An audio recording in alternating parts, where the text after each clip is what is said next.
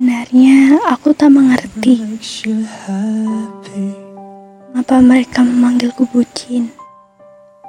Nah, yang aku tahu, aku hanya mencintai dengan tulus, menghargai dirinya sebagaimana semestinya. Berusaha selalu ada berkorban demi kebahagiaannya. But I'm a creep.